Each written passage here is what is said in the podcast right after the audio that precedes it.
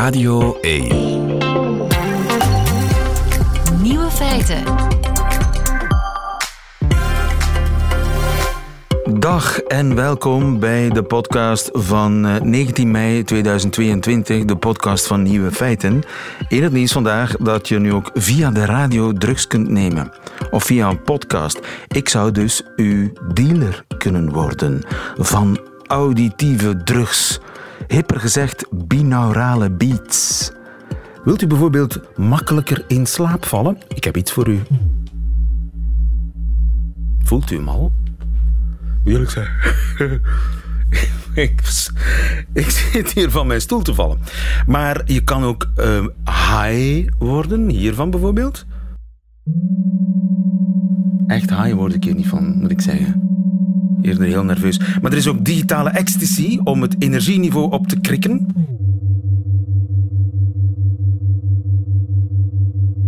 En uh, dit is een soort van digitale relatine om de concentratie te verhogen.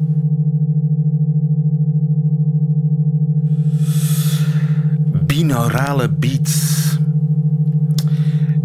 Uh, jonge hippe vogels al een tijdje populair. Kunstmatige geluiden die je kunnen helpen om bijvoorbeeld te mediteren.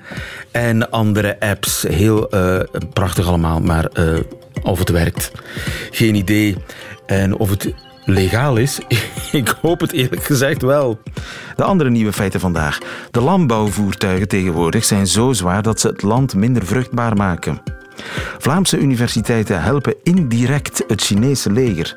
En Rika Ponet, onze relatiedeskundige, beantwoordt de vraag van Vicky, die hierop neerkomt: Mijn man gaat ervan uit dat ik in zijn kop kan kijken. De nieuwe feiten van Jovan Castiel die hoort u in haar middagjournaal. Veel plezier. Radio 1. Nieuwe feiten. Helpen Vlaamse wetenschappers het Chinese leger? Dat is een vraag die Lars Bouvet van de Tijd heeft onderzocht. Goedemiddag, Lars. Goedemiddag.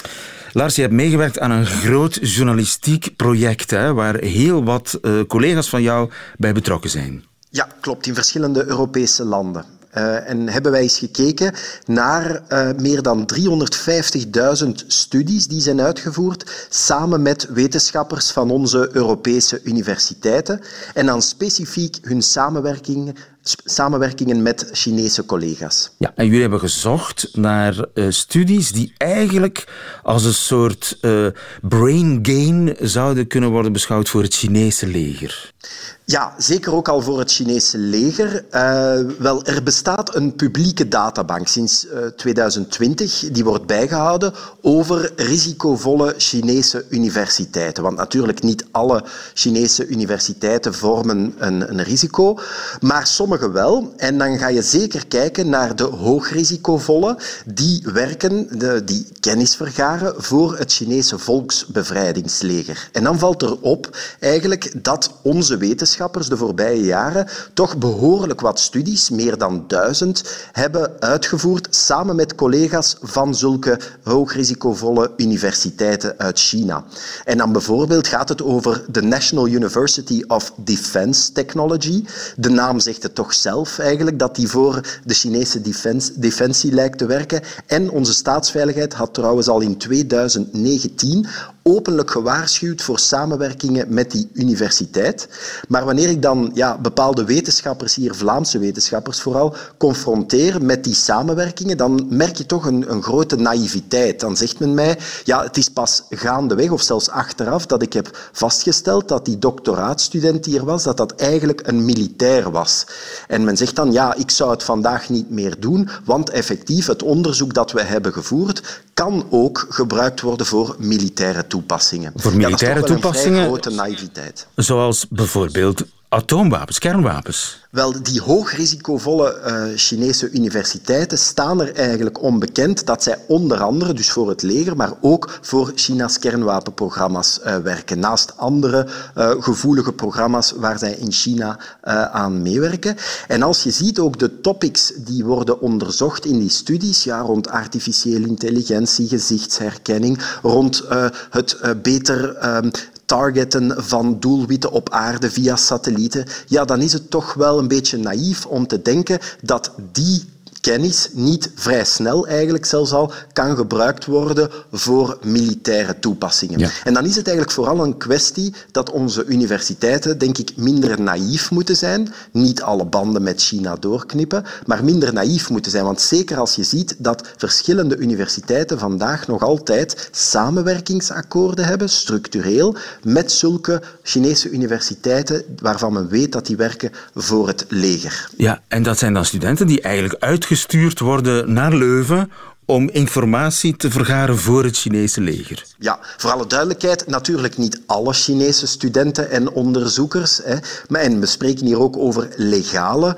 uh, samenwerkingen, waar men mee akkoord gaat natuurlijk, om samen te onderzoeken. Maar men moet er zich van bewust zijn dat dit een bewuste strategie is van China om zulke uh, kennis te gaan vergaren uh, in bij westerse universiteiten en die bijvoorbeeld ook in te zetten voor ja, totaal niet-ethische zoals de controle van zijn eigen bevolking en, en van uh, minderheden zoals de Oeigoeren. En we stellen ook vast, en we horen het ook bijvoorbeeld bij de UGent, dat zij zeggen, kijk, een onderzoek dat men ons had voorgesteld naar nummerplaatherkenning, dat hebben we geweigerd omdat we juist vonden dat dit niet strookte met onze ethische normen. Alleen stellen wij dan vast, samen met andere Europese journalisten die eraan meewerkten, ja, dat misschien bijvoorbeeld wel een Nederlandse universiteit dan dat onderzoek wel heeft gevoerd, samen met de Chinezen. En dan merk je eigenlijk dat er nog wel werk aan de winkel is. Ja. En wat zit er eigenlijk in voor ons? Ik bedoel, waarom willen wij die akkoorden? Hangt daar heel veel geld aan vast? Wel, dat is denk ik uh, vooral de reden geweest waarom, zeker de voorbije jaren, men zo gretig ja, is akkoord gegaan om deze samenwerkingen te doen. Voor China uh, zijn er stevige budgetten uh, die zij rondstrooien om zulke samenwerkingen op te zetten en al zeker voor die specifieke onderzoeksdomeinen waar zij op azen. Het is eigenlijk ja, een strategie die ze in China zelf omschrijven als het plukken van bloemen in andere landen om er hier in China honing mee te maken. En dat is eigenlijk waar wij dan aan bijdragen wanneer we naïef zulke uh, onderzoeken voeren. Dus die naïviteit zou men moeten laten varen, zodanig dat men bewust weet welke onderzoeken men wel nog uh, samen met China voert en welke niet. Ja, en mag elke universiteit daar autonoom over beslissen? Is dat alleen maar hun verantwoordelijkheid?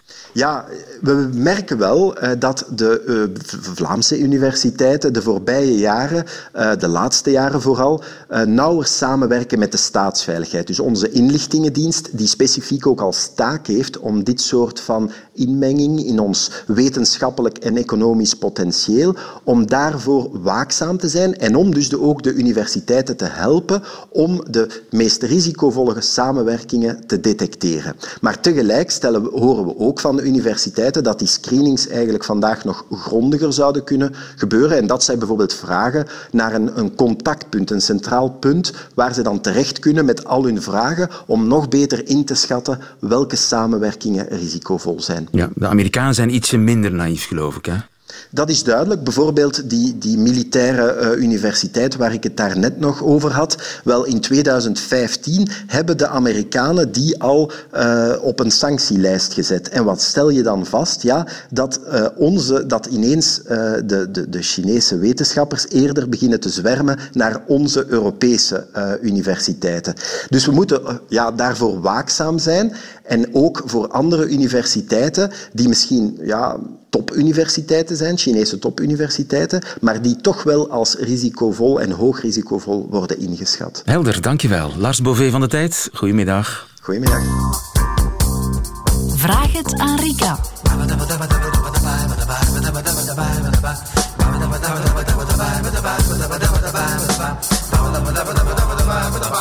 Het is weer donderdag en dan komt hier over de vloer Rika Ponet. Goedemiddag, Rika. Goedemiddag, even. Relatiedeskundige. Stapels post heb ik voor jou gekregen.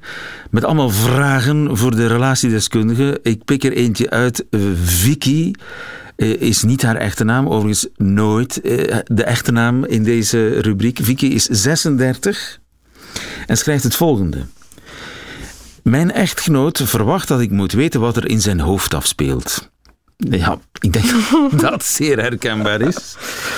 Wat hij niet graag heeft, moet ik vermijden. Mijn mening telt niet als het niet overeenkomt met de zijne. Ik moet me aanpassen hoe hij het wil. Omdat ik ruzies wil vermijden, accepteer ik dit, maar ik ben in strijd met mezelf. Als ik hem niet volg, dan geeft hij me de silent treatment voor een paar dagen tot weken. Dan moet ik het initiatief nemen om terug te communiceren, want zelf zal hij dit niet doen. Deze cyclus herhaalt zich. Zonder dit zijn we wel gelukkig samen. Graag uw advies. We zijn intussen 16 jaar getrouwd, hebben drie kinderen samen. Echtgenoot leeftijd 45 en ik 36, schrijft Vicky. Mijn echtgenoot verwacht dat ik weet wat er in zijn hoofd zich afspeelt. Ja, dat ik over magische krachten beschik. Ja, En als het niet oké is, dan de silent de treatment. silent treatment. Ja.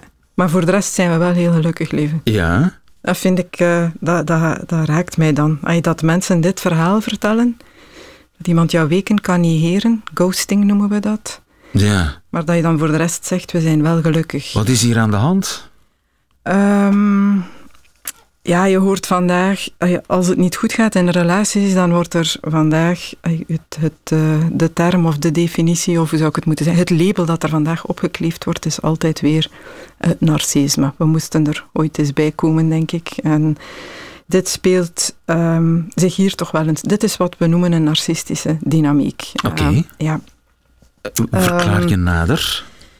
Ehm, ja, dit is psychische mishandeling, voor alle duidelijkheid. Hè. Eh, zij relativeert dat. En dus daarom dat ik ook zeg van, hoe kan je nu zeggen dat je gelukkig bent als je man je op deze manier behandelt? Als je eigenlijk op geen enkel moment jezelf mag zijn, maar jouw behoeftes niet in de relatie mag komen, er maar één doel is, zijn behoeftes moeten jouw behoeftes zijn. En je moet die behoeftes vanzelf en je moet die weten. vanzelf weten. Ja, want dat is eigenlijk ehm, een heel interessante.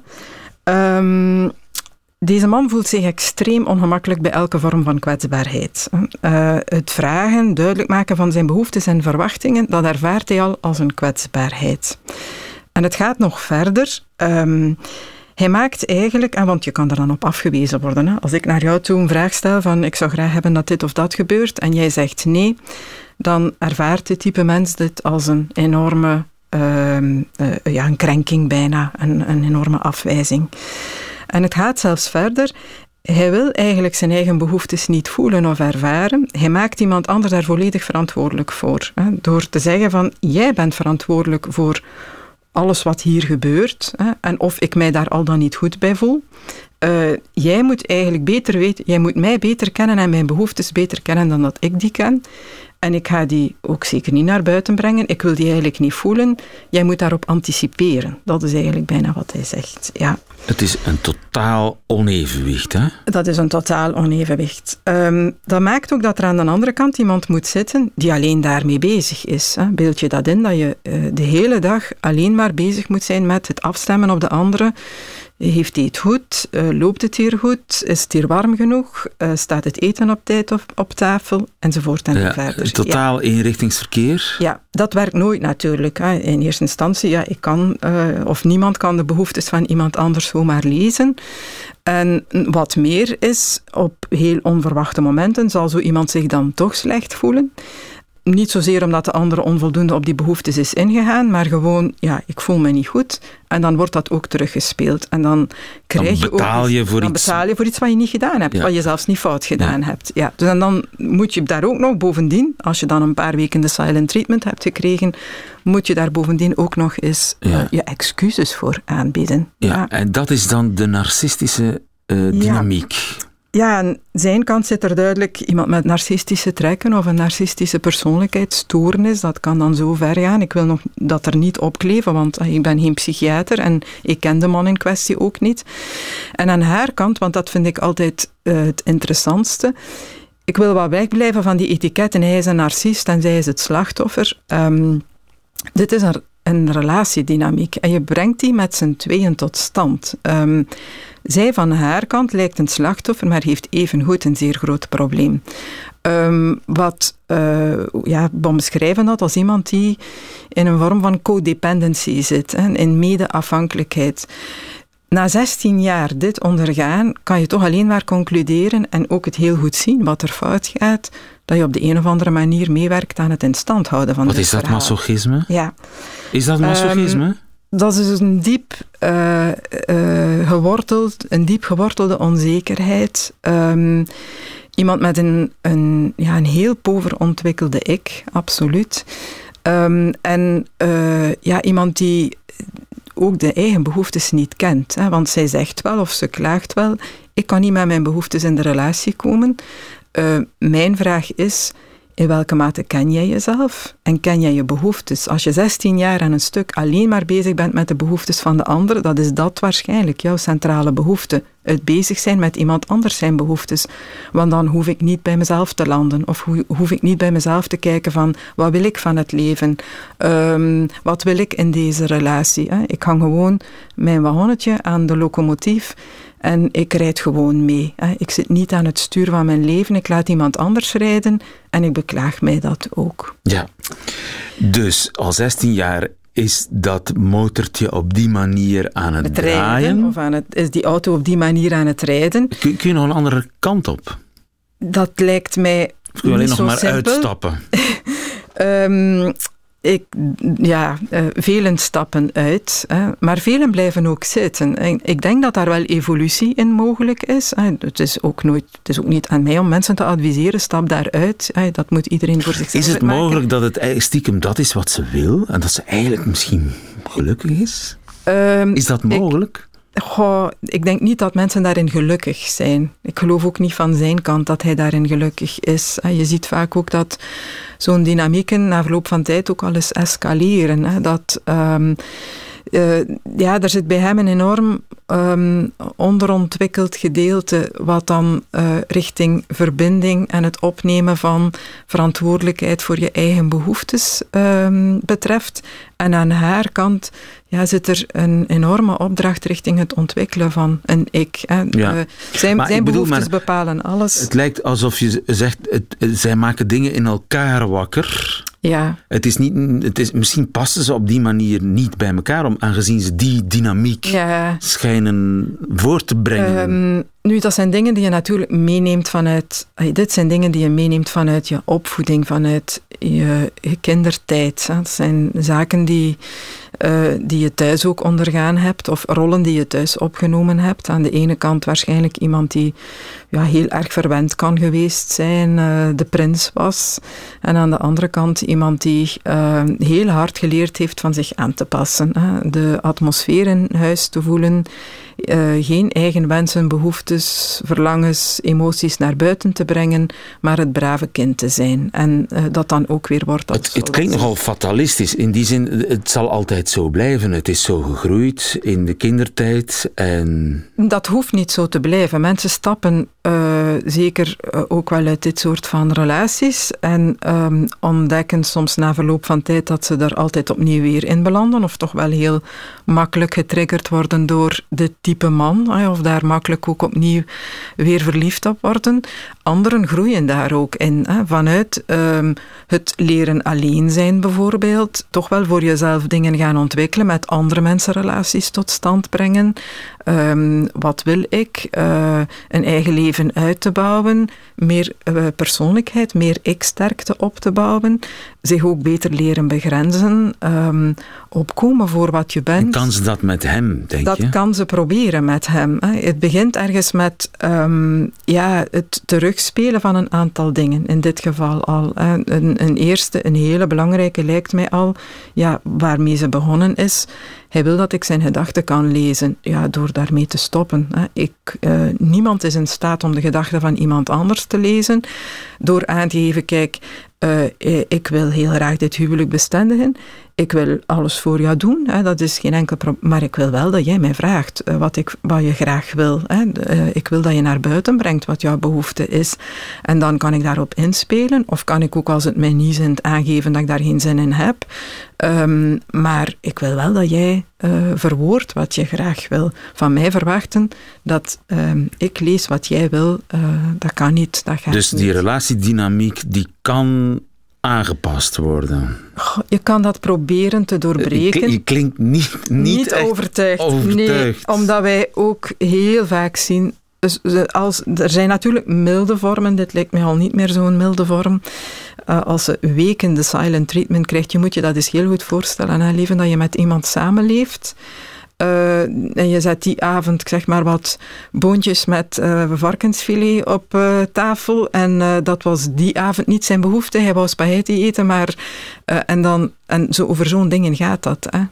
En daar wordt hij dan boetend voor. En dan krijg je gedurende twee weken nog beeld, nog klank. Ehm, ja, hoe, hoe positief kan je daarover zijn? Of eh, hoeveel beweegruimte zit daarin? En heel vaak zijn, eh, ja, dit is dit type vrouw eh, heel erg gevoelig voor die manipulatie, voor schuldinductie. En Ja. voelen zich heel snel schuldig.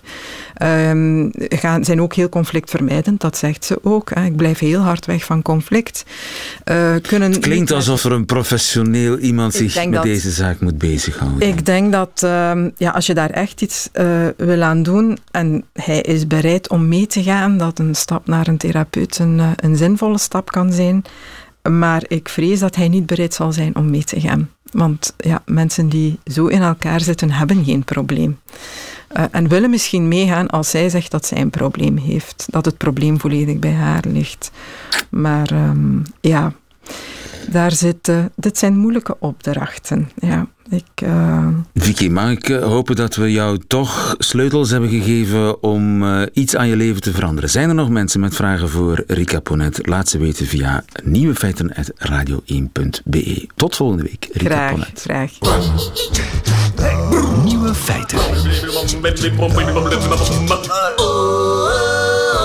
Radio 1. Is u ook al opgevallen dat niet alleen de auto's veel en veel dikker zijn geworden en groter de laatste jaren, maar ook de landbouwvoertuigen? Ik bedoel, een tractor van vroeger, die lijkt wel schattig in vergelijking met die bakbeesten van vandaag.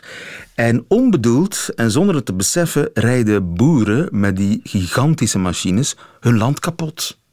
Tommy Doze, goedemiddag. Ja, hallo, goedemiddag. Je bent bodemonderzoeker van het ILVO. En Ja. jij werkt rond eh, bodemverdichting in Vlaanderen. Want dat is het Ja. probleem. Hè? Eh, en dat is ook het onderzoek waaruit nu die problemen blijken in Nederland. Dat wijst ook op eh, bodemverdichting. Dat is wat er aan de hand is. Ja, dat klopt. En dat heeft te maken met die ja, obesitas-epidemie bij de landbouwmachines. Ja, het heeft natuurlijk even twee oorzaken. Hè. Die, die zware landbouwmachines op zich is nog niet zo'n probleem, maar het wordt natuurlijk wel een probleem als die op het veld komen op het moment dat het te nat is. Aha. Dus dan moeten we kijken naar eerder het voorjaar en het najaar. Dus eh, in het najaar vooral veel gewassen worden geoogst dan hier in onze contraien. Denk aan wat maïs, aardappelen, bieten. En dan komen die zware machines natuurlijk op het veld in niet altijd ideale omstandigheden. En dan zijn die zware gewichten natuurlijk problematisch. En hoeveel weegt een beetje bietenrooier tegenwoordig? Goh, ja, dat kan, als die volledig geladen is, kan dat gemakkelijk ja, naar 40, 50, 60 ton gaan. Dus dat 60 zijn ton? enorm- 60.000 Ja, dat is- kilo? Ja, dat zijn natuurlijk de grootste modellen en die rijden niet altijd rond in de Vlaamse landbouw, maar die bestaan wel. En ja, 40, 50 ton zijn al geen uitzonderingen meer. Als die volledig geladen is met bieten, Ja, uiteraard. en, ja. de- en dorsmachines zijn ook enorm, hè? Ja, inderdaad. Dat neemt ook alleen maar toe. Eh, de graantank wordt natuurlijk veel groter, maar de machine op zich wordt ook veel zwaarder. Ja, Soms als, artikel als waar je van- bijvoorbeeld eh, ja. zit te wandelen of aan het wandelen bent in Wallonië, ik- passeer soms een oude schuur waar afgedankt landbouwmateriaal staat te roesten. En dan zie je zo'n oude dorsmachine uit de jaren, oeh, wat is het, 60, 70 of zo. Petiterig. Echt zo Ja, onnozel klein. Ja. Ja. Waarom moet Ja. dat allemaal zo groot tegenwoordig? Ja, hoe groter de machine natuurlijk, hoe efficiënter het, het werk kan verlopen. Hè. Hoe sneller de oogst kan gebeuren. Eh, met die dorser van de jaren 60 ging het natuurlijk veel langer duren voordat hier een perceel geoogst werd. Dus die, ja, die efficiëntieverhoging en heeft ervoor gezorgd dat de machines alleen maar groter geworden zijn. Ehm, en dat zorgt ervoor dat je natuurlijk veel meer gewicht krijgt op, op de landbouwbodems. Ja. En wat is daar nu precies het probleem mee met dat gewicht? Ja, dat gewicht zorgt er, want ondanks het grotere gewicht kunnen die machines door de betere bandentechnologieën en zo, kunnen die nog altijd perfect het veld bereiden, zonder dat die diep gaan inzakken of zo. Maar het probleem is dat die, dat die vooral verdichting in de diepere bodem gaat veroorzaken. Dus uh, in de ondergrond, als het ware. En het probleem is dat je aan die verdichting, dat je daar weinig kan aan doen uh, door jaarlijks de gewone bewerkingen die de landbouwer uitvoert. Ja, de bovenste laag kun je omploegen natuurlijk, dan ja, boel je het weer helemaal los, maar die diepere lagen, daar kan die ploeg niet bij. Nee, inderdaad. Dus die, die verdichting is veel moeilijker op te lossen. Ja. En wat is daarvan het gevolg? Het water kan er niet doorheen, zoiets. Ja, dat is een belangrijk gevolg. Dus uh, bij hevige neerslagperiodes kan water veel minder goed infiltreren in de bodem. Um, niet alleen het water, ook de wortels van de plant zelf kan veel minder diep gaan wortelen. Dus in lange droge periodes kan die wortel niet aan de diepere bodemlagen geraken en kan hij daar zijn water niet gaan, gaan halen. Dus je krijgt dan onvermijdelijk een, een verlies van gewasproductie. Ja. ja. En dus geen efficiëntere bewerking van het land, maar juist ja, het omgekeerde. Ik bedoel, wat je wint met de grootte van die machines, verlies je misschien met de opbrengst van het veld. Ja, het is inderdaad een beetje waarschijnlijk is daar een, zijn we daar een kantelpunt aan te bereiken, hè, waarbij dat de, de, de, toename in efficiëntie door het alsmaar groter worden in feite een negatief effect begint te krijgen op de bodemconditie en ook op uw gewasopbrengst, inderdaad. Dus, en is dat een effect dat een tijdje duurt? Ik bedoel, duurt het een tijdje voor een veld echt schade begint te lijden? Nee, dat kan op, op één jaar, als er een zware machines in zeer slechte omstandigheden uh, rijden op het veld, kan dat echt wel uh, diepe bodemverdichting veroorzaken. Dus dat, natuurlijk, als je dat jaar na jaar zich herhaalt, wordt het probleem alleen maar erger. Maar het kan zeker van één keer in slechte omstandigheden kan het zeker uh, een probleem veroorzaken. Ja, je zal maar geïnvesteerd hebben hè, in zo'n enorme machines. Als boer. Ja, ja, het zijn natuurlijk de loonwerkers die daar de investeringen in doen. En um, hun taak is natuurlijk om zo snel mogelijk uh, alles geoogst te krijgen. Dus dat is een beetje de, ja, oh ja, die machines worden tegenwoordig niet meer door de boer zelf gekocht, maar door bedrijven die, die, die, dat komen doen bij boeren. Ja, ja inderdaad. Ja, ja dat, dat is echt een padstelling dan. Is er, is er een oplossing? Goh, ja, eerst en vooral natuurlijk het veld altijd betreden in goede omstandigheden is het eerste. Het tweede is dat, dat die machines zoveel mogelijk uitgerust worden met, met goede bandentypes, met eventueel luchtdrukwisselsystemen, waardoor dat de, lucht de druk in de banden zo laag mogelijk kan gehouden worden. En misschien moet er ook Want dan, dan maak je die band, dat spoor breder en dan ja, het spoor wordt breder. een beetje. Ja, waardoor het gewicht iets beter verdeeld wordt. Maar natuurlijk, het grote gewicht blijft wel aanwezig, dus die, die effecten in de diepere bodemlagen blijven wel aanwezig. Dus de vraag moet zich een beetje gesteld worden of het altijd maar groter moet, um, of die machines altijd maar groter en zwaarder moeten worden, of er toch niet, ja, toch niet beter is, wordt gekeken naar eventueel weer lichtere machines of ja, die, het, die ook het werk wel kunnen doen. Hè. Ze, met het behoud van de bodemkwaliteit. En vaste rijpaden, zou dat iets oplossen? Of is dat uh, niet realistisch? Dat je altijd hetzelfde pad volgt?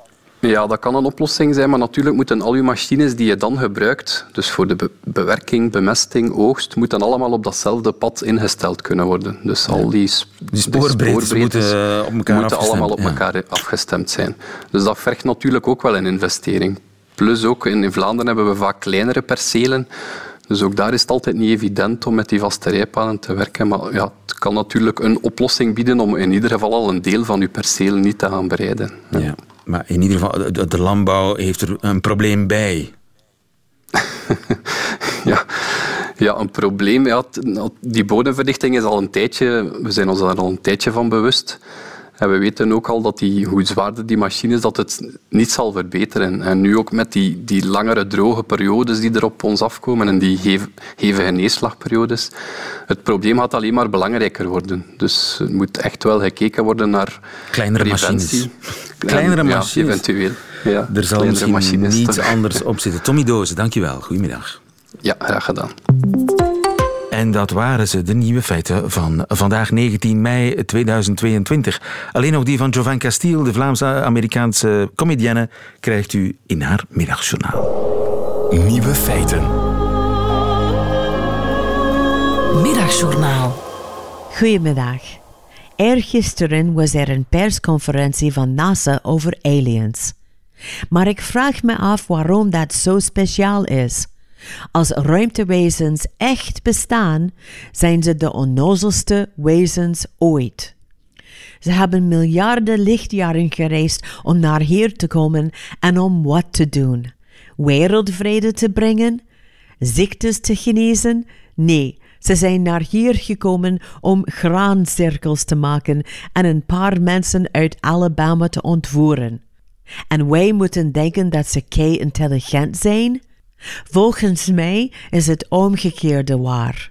Als ik morgen wakker word en mijn man zegt: Hey Jovanka, de aliens hebben onze tuin opgeruimd, de tegels op ons huis gerepareerd en ons toilet ontstopt. Dan zal ik misschien onder de indruk zijn. Maar nu zijn ze gewoon zoals die irritante mensen op een feestje die komen helpen in de keuken, maar het enige dat ze doen is een glas wijn drinken terwijl jij de afwas doet. En dat is waarom bijna niemand geïnteresseerd zal zijn in aliens. Ik heb het gevoel dat ze in het midden van de grote markt in Brussel kunnen landen en zeggen: Wij komen van een planeet 500 miljard lichtjaren hier vandaan. En iemand zal antwoorden: Ah ja, oké, als u hier rechtdoor gaat en dan naar links, komt u bij Manneke Pis uit. En de ruimtewezens zullen depressief worden omdat niemand met hen wil spreken. Hier is mijn advies aan alle aliens die in de buurt zijn. Als jullie aandacht van ons willen, moeten jullie een beetje harder werken. Als jullie de situatie in Oekraïne kunnen oplossen, de opwarming van de aarde kunnen stoppen en een pizza zonder calorieën kunnen maken, dan kunnen wij praten.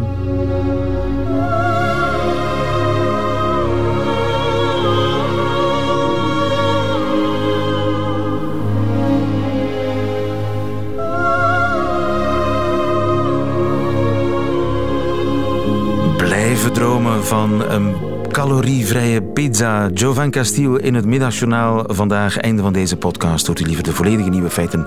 Dan eh, kan ik u doorverwijzen naar de Radio 1 app of de Radio 1 website. Tot een volgende keer.